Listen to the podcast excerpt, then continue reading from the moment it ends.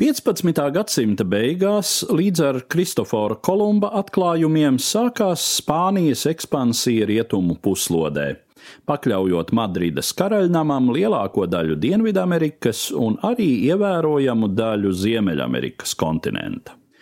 Ap to pašu laiku Austrumēropā Maskavas lielkņāzi sāka pakļaut zemes Volgas basēnā, kas tiem pavēra ceļu uz Sibīrijas plašumiem. Trīs gadsimtus vēlāk, 18. gadsimta nogalē, abi šie ekspansijas viļņi, sākušies katrs savā Eiropas malā, sastapās zemeslodes otrā pusē, Kalifornijā.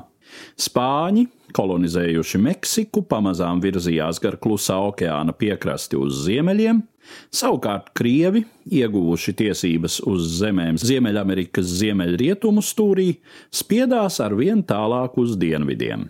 Spāņus pamatā saistīja lauksaimniecībā izmantojamas zemes, Krievu galvenā interese bija zvērādu ieguve. Nevienā, ne otrā ziņā Kalifornija gan tobrīd nešķita sevišķi dāsna.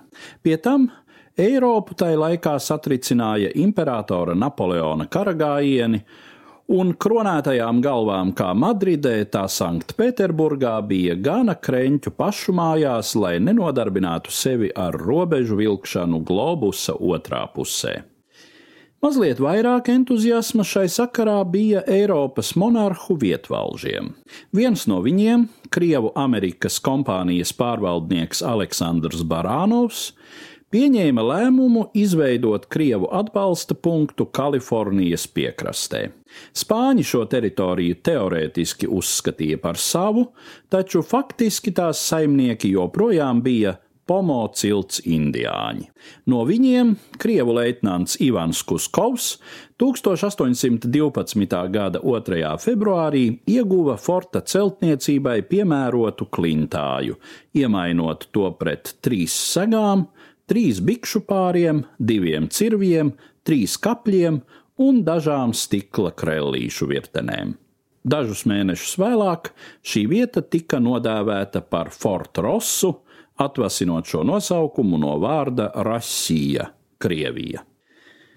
Fortrosas galvenais uzdevums bija nodrošināt ar pārtiku un kokmateriāliem tālāk uz ziemeļiem esošās Krievu kolonijas un kalpot par atbalsta punktu Krievu tirgotājiem un kažokzvēru, pamatā jūras ūdru medniekiem. Kolonijas 30 gadu pastāvēšanas laikā tās iedzīvotāju skaits nekad nepārsniedza 300, no kuriem apmēram trešdaļa bija krievi vai citu lielās impērijas tautu pārstāvji, pārējie aleuti, kreoli, vietējo cilšu indiāņi, pat polinēzieši. Protams, spāņi nebija sajūsmā par krievu apmešanos tik tuvu viņu Meksikas īpašumiem, taču aprobežojās ar šī jautājuma pacilāšanu diplomātiskās sarunās. Jaunspānijas vicekaralis pat saņēma īpašu norādījumu no ārlietu ministrijas Madridē rīkoties delikāti, lai nekaitētu Spānijas attiecībām ar Krieviju. Nekas būtiski nemainījās arī pēc 1821. gada, kad spāņu varu Kalifornijā nomainīja neatkarīgās Meksikas valdīšana. Tomēr Fortrosai bija lemts pastāvēt tikai dažas desmitgades.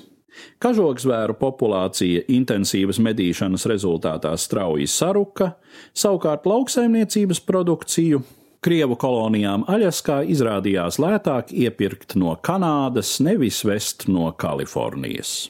Fortrosas uzturēšana sāka nest Krievu Amerikas kompānijai zaudējumus, un 1841. gadā kompānija savus Kalifornijas īpašumus par 30 tūkstošiem dolāru pārdeva kādam šveiciešu izcelsmes Meksikas pilsonim, kurš gan saucās gluži amerikāniski - Misters Džons Saters.